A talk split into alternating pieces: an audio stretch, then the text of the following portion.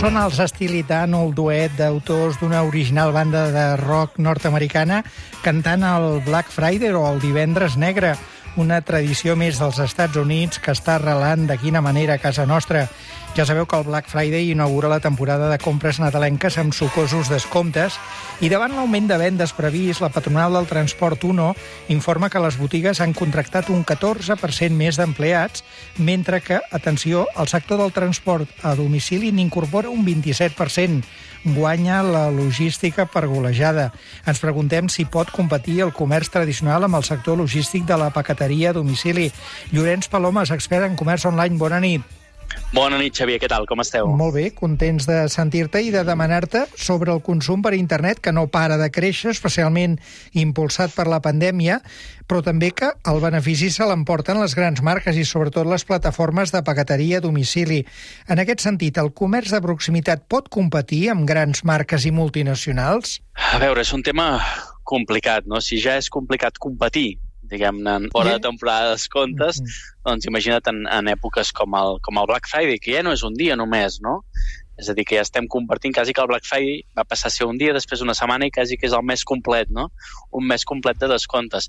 Doncs sí, el petit comerç, doncs, on normalment, teòricament, no té tants marges de beneficis, doncs és realment complicat, o en qualsevol cas no és gens senzill competir contra grans plataformes com poden ser Marketplace, com Amazon o AliExpress. Per tant, no ho té fàcil no ho té fàcil. Durant el primer trimestre d'enguany, les compres online van augmentar un 2% respecte al mateix període de l'any passat, és a dir, un creixendo.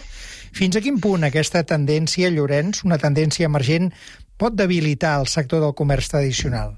A veure, no hauria, no hauria d'habilitar-lo, perquè al final el comerç petit també pot ser competitiu, també pot ser competitiu online, no? Sí que és cert que l'últim any, no? especialment doncs, durant, el, doncs, durant el Covid, molt del comerç petit que no estava venent online no? ha entrat a començar a vendre per internet i se li ha obert un món nou de possibilitats, però molt més competitiu doncs, que fa 3 o 4 anys, no? on no tothom estava venent online, on encara moltes empreses no havien fet el salt, especialment marques que abans no venien i que ara venen directament a consumidor final. Ha pujat molt la demanda, l'últim any ha pujat brutalment la demanda de compra online, però clar, també ha pujat doncs, molta gent que ha aprofitat una mica aquesta onada, bueno, ha aprofitat, o que ha aprofitat o que no ha tingut altra opció en, en determinats mesos no depèn del producte si no era si no era online i ara ràpidament doncs, ha d'adaptar-se a un nou entorn que no coneixia i no només pot diferenciar-se per preu, no? perquè si el petit comerç, el seu únic o el seu principal eh, palanca de creixement no venda ser el preu, doncs tenim un problema. No hi ha de buscar altres formes doncs, de diferenciació per poder vendre els seus productes. Per tant, l'agafa amb el pas canviat el comerç tradicional, aquesta situació actual, no? Així és, diguem, es barregen doncs, diferents eh, problemàtiques. No? Molts han començat a vendre ara, molts han començat a vendre fa molt poc, doncs no tenen doncs, segurament moltes visites o molt trànsit i l'error on pot estar ara, no? directament és dir, ostres, no venc, no tinc moltes visites, ostres, si baixo una miqueta el preu, és, veig, veig que començo a vendre més, no? Aleshores, és molt fàcil diguem-ne, caure en aquest error, no? Anar a buscar, anar a competir per preu perquè potser estic venent més o tinc la sensació que estic venent molt més, però això es veu afectat doncs, de forma molt important, diguem-ne, doncs, en el marge, no? I aquest client que captarem a través únicament de descomptes o ofertes esperarà sempre aquests descomptes o ofertes i només ens valorarà pel preu. I des del moment que ens valoren pel preu i som un petit comerç, doncs tenim un, tenim un problema i hem de buscar diguem-ne, altres formes o altres maneres, diguem-ne, per oferir un servei o un valor afegit que no sigui només el, que no sigui només el preu. Doncs és molt fàcil caure durant, durant aquesta època en aquest error, tot i que aquest any sembla que, pel que estem veient, no hi han descomptes tan, tan, tan agressius com els últims 3 o 4 anys. Per tant, Llorenç, el comerç de proximitat podria resistir, però inevitablement ha d'entrar en el sector de les vendes online, és això? Ah, Dir-ho de forma generalitzada és una mica és una mica complicat, però sí, als Estats Units, a dia d'avui, més del 50% de productes d'electrònica de consum que es venen, més del 50% ja es venen online. És a dir, això no té, diguem-ne, no té aturador, no? I al final doncs, hem de tractar aquest canal amb la importància que es mereix ara bé, sense perdre el nord. Eh, sabem que el 30% de totes les vendes que aquests dies es faran serà a través d'Amazon, que sembla increïble, no? Eh, és rendible per al petit comerç vendre a través d'Amazon? Jo crec que fins i tot serà una mica més. Més del I 30? Sí, jo crec que sí. I si sumem ja un altre marketplace com és AliExpress, estem per damunt del 50 o el 60% possiblement. I, de fet, més o menys, si no m'equivoco, crec que actualment eh, entre 10 i 12.000 pimes catalanes i també espanyoles estan venent a, a, través de, a través del marketplace. Realment és una molt bona forma d'entrada perquè si una botiga online generar demanda, té un esforç molt important que petites empreses no es poden permetre, no? I al final és una qüestió de números.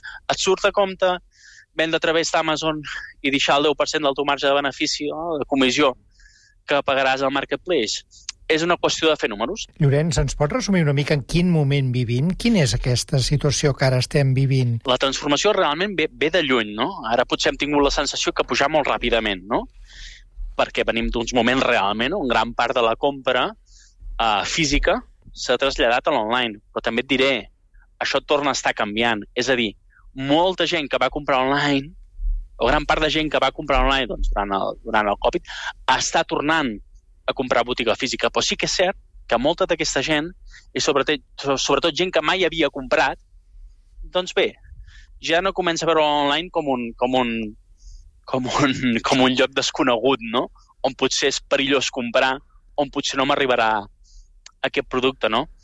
Realment, el Covid el que ha fet és agilitzar, podríem dir, entre 4 o 5 anys, és a dir, hem avançat ràpidament 4 o 5 anys, el que ens hauria costat arribar a aquest nivell, i, i si veiem altres mercats molt més avançats, com poden ser Xina o com poden ser Estats Units, realment el comportament de compra està canviant d'una forma eh, espectacular. I totes les botigues i els petits negocis s'han d'adaptar ho han d'intentar entendre, ho han de, han de començar a tastar, a provar aquests mercats i sobretot a formar-se amb, amb tot el que és el mercat digital, perquè això ja fa temps que ha arribat, s'està accelerant i... I no hi ha marxa enrere. Exacte. Llorenç Palomes, expert en comerç online, moltíssimes gràcies per atendre'ns aquestes hores i que tinguis bona nit. Gràcies a vosaltres, una abraçada, bona nit.